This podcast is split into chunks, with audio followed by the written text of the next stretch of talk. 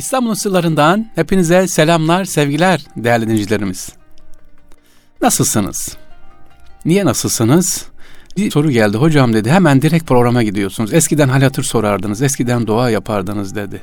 Çok teşekkür ederim. Evet soruyorum nasılsınız sevgili dinleyicilerimiz, vefakar dinleyicilerimiz? İstanbul'dan, yurt içinden, yurt dışından dinleyen dinleyicilerimiz. Umarım iyisiniz. Allah enerjinizi daim etsin inşallah. Rabbim kolaylık versin. Devletimize, milletimize güç kuvvet versin inşallah. Şerlerin şerrinden de emin eylesin. İstanbul'un sırlarına başlıyoruz. Bugün nereden başlayalım efendim? İstanbul'un sırlarında küçük bir hattımız var. Tren hattı. Ondan başlayalım. Onu anlatmak istiyorum. Değerli dinleyicilerimiz Birinci Dünya Savaşı şartlarında İstanbul'un elektriğini sağlayan Silah Darağı Elektrik Fabrikası var. Bu fabrika elektrik üretiyor. Kömürsüz olmaz dolayısıyla şehrin elektriksiz kalma tehlikesini bertaraf etmek üzere ağaçlı ve çift alan kömürlerini orman üzerinden kağıthaneye getiren orijinal adı Haliç Karadeniz Sahra hattı olan Kağıthane Demir Yolu'nu anlatmak istiyorum. Lütfen bunu gidip görün ve o dönemde Birinci Dünya Savaşı'nda neler çekilmiş bir bakın efendim. Evet, Sahra, Sahra, Kaliç Karadeniz Sahra hattı. Kağıthane demir yolun elimizde kalan bugün son bir parçası var. Ne kadar derseniz o demir yolunun 100 metrelik bir demir yolu kalmış efendim. Bu tarihat yeniden inşa edilecek inşallah. Bekliyoruz ki e, o tarihi e, eskileri yeniden yaşayalım inşallah. Efendim bu hat 1914-1916'da kurulup 1952'de kaldırılan ve 1999'da Kağıthane Belediyesi tarafından yeniden keşfediliyor bu hat. Tekrar ediyorum ne hattı? Haliç Karadeniz Sahra hattı. 1914 yılında İstanbul'da faaliyet gösteren Silahdara Elektrik Santrali'ni şehrin kuzeyinden linyit ocaklarımız var o zaman. E, demir yolu çok önemli ve tarihi bir görevi başarılı yerine getiriyor bu hat. Bu hat faaliyete geçtiği ilk dönemlerde Zonguldak'tan çıkartılarak deniz yoluyla İstanbul'a getirilen kömürü kullanan Silahdara Santrali. Bir Dünya Savaşı yıllarında kömür temininde sıkıntı yaşanmaya başlandı. Zonguldak'ta kalkan gelen şirketi hayriye gemileri Karadeniz'de Rus donanması tarafından batırılıyordu. Ya İstanbul'a kömür gelmiyor. İstanbul'a kömür gelmeyince ne oluyor? Elektrik üretilmiyor sevgili dinleyiciler. Şehirde elektrik üretilen tek tesisin kömür sıkıntısı yaşaması nedeniyle tüm şehrin elektriksiz kalması söz konusuydu. Bu yüzden işletmeci kuruluş o dönemki Osmanlı Anonim Elektrik Şirketi en ucuz ve kısa yoldan kömür bulmak için bir takım çareler aramaya başladı. Sonuç olarak günümüzde Eyüp Sultan ilçesi sınırları içinde kalan Ağaçlı köyündeki linyit ocaklarından çıkartılan kömürün yeni ihdas edilecek bir dekovil hattıyla santrale getirilmesi yönünde karar alındı.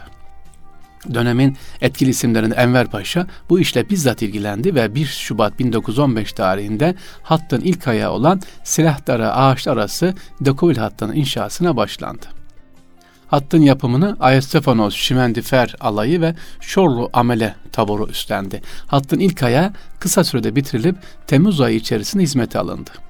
Ağaçlı kömürleri giderek katlanan elektrik gereksinimine karşı bu sefer cevap veremedi. Bunun yerine çift alan köyündeki ocaklarda desteklenmeye başladı. İşte hattın ikinci ayağı da 30 Haziran 1916 tarihinde açıldı. 20 Aralık 1916'da.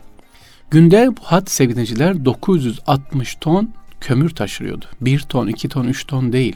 960 ton hizmetler. Nereye? Silahdaraya. Bu arada hazır yeri gelmişken söyleyeyim. E, diyeceksiniz ki Fahri abi biz bu hattı görebilir miyiz? İstanbul'da var mı? Evet var görebilirsiniz.